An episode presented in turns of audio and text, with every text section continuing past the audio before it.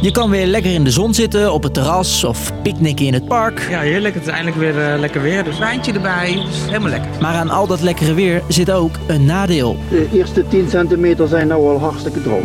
De grond in Nederland is hartstikke droog. En als het niet snel flink gaat plensen, kan dat voor problemen zorgen.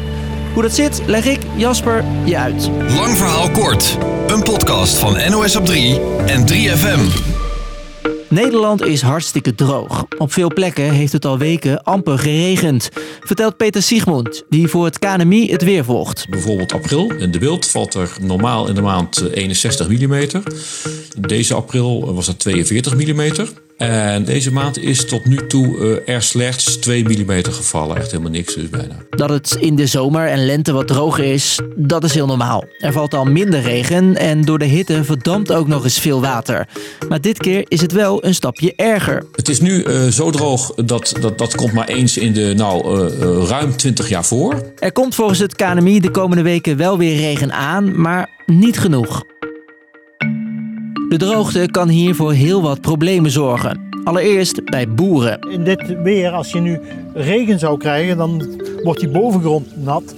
En dan heb je gewoon dat uh, die planten veel makkelijker kunnen groeien. Die hebben heel dringend behoefte aan wat vocht bovenin. Juist nu moeten veel nieuwe planten flink gaan groeien. Gaat het niet snel regenen, dan is de kans groot dat oogsten mislukken, vertelt deze expert. Als je een gewas als spinazie neemt, wat nu in de grond zit en wat over zes weken geoogst wordt, ja, dat heeft geen tijd om te herstellen. Dus juist tijdens die bloeitijd, of tijdens het zetten van knollen voor aardappelen, is water essentieel. Hè? Dan worden de zaadjes aangelegd en als die niet goed aangelegd worden, ja, dan haal je uh, een achterstand niet meer in. Een slechte oogst betekent meer schaarste en voor jou dus duurdere boodschappen.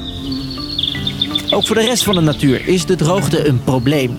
Planten, bloemen, grassen of bomen gaan dood of groeien minder.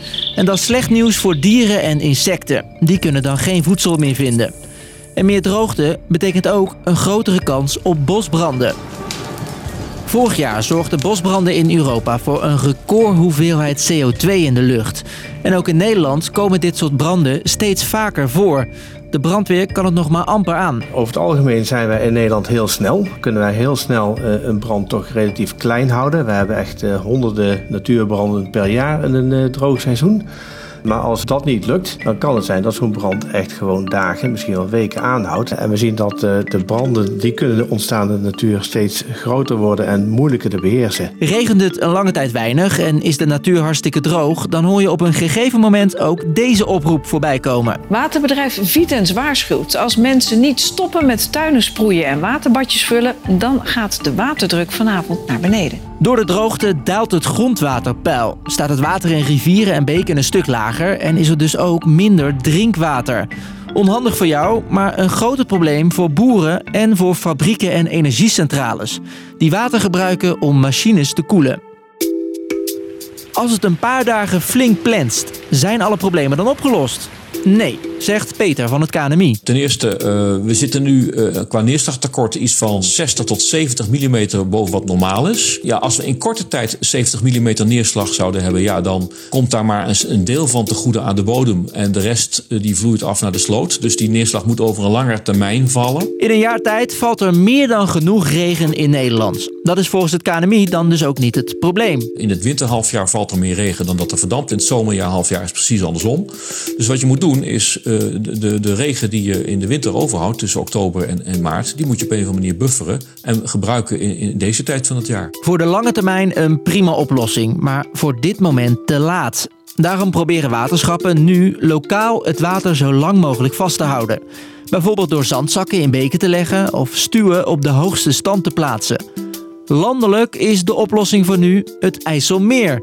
Door Rijkswaterstaat ook wel de nationale badkuip genoemd. We hebben een kraan, dat is eigenlijk de IJssel. Die komt uit in het IJsselmeer, daarmee wordt water aangevoerd. Meestal stroomt er te veel water uit die kraan het bad in. Dus dat overtollige water wordt afgevoerd via spuisluizen bij de afsluitdijk. Om ervoor te zorgen dat we geen overstroom meer krijgen. Maar als het te droog is, kan Rijkswaterstaat de badkuip ook vullen. Dan stoppen we met uh, spuien bij de afsluitdijk. Dus eigenlijk zetten we gewoon de stop daar dicht. Daardoor steeg het waterpeil begin deze maand 5 centimeter. Evenveel als zo'n 36.000 Olympische zwembaden.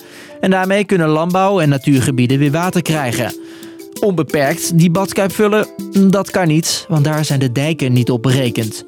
Zelf kan je trouwens ook wat doen tegen droogte. Bijvoorbeeld door je tuintegels te vervangen voor gras of planten. Waardoor regenwater niet verdampt, maar de grond ingaat. Dus, lang verhaal kort. De grond in Nederland is hartstikke droog. De laatste weken is er amper regen gevallen en ook de komende weken druppelt het maar weinig. Kan voor heel wat problemen zorgen. Boeren zitten bijvoorbeeld met een mislukte oogst en de kans op bosbranden is groter. Een tijdelijke oplossing is nu water in gebieden langer vasthouden. Maar dat is op lange termijn niet genoeg. Was de podcast weer. Hopelijk vond je het niet te droog gekost. Elke werkdag rond 5 uur zijn wij er weer met een nieuwe aflevering. Tot de volgende. 3FM Podcast. George Floyd repeatedly told the officers that he could not breathe after an officer knelt on his neck. Meer dan 5000 mensen kwamen gisteren samen om te protesteren op de Dam in Amsterdam. Ik schrok enorm van de intensiteit rondom Black Lives Matter en de felle discussies. Ik ben Nathan de Vries, half Gronings en half Ghanese. Waarom is een gesprek over diversiteit, racisme en inclusie altijd zo zwart-wit? Durf je er nog iets over te zeggen? Of ben je bang om gecanceld te worden? In mijn podcast ga ik op zoek naar het antwoord op deze vragen. Luister nu naar de podcast Niet zo zwart-wit. Via de 3FM-app of jouw favoriete podcastplatform.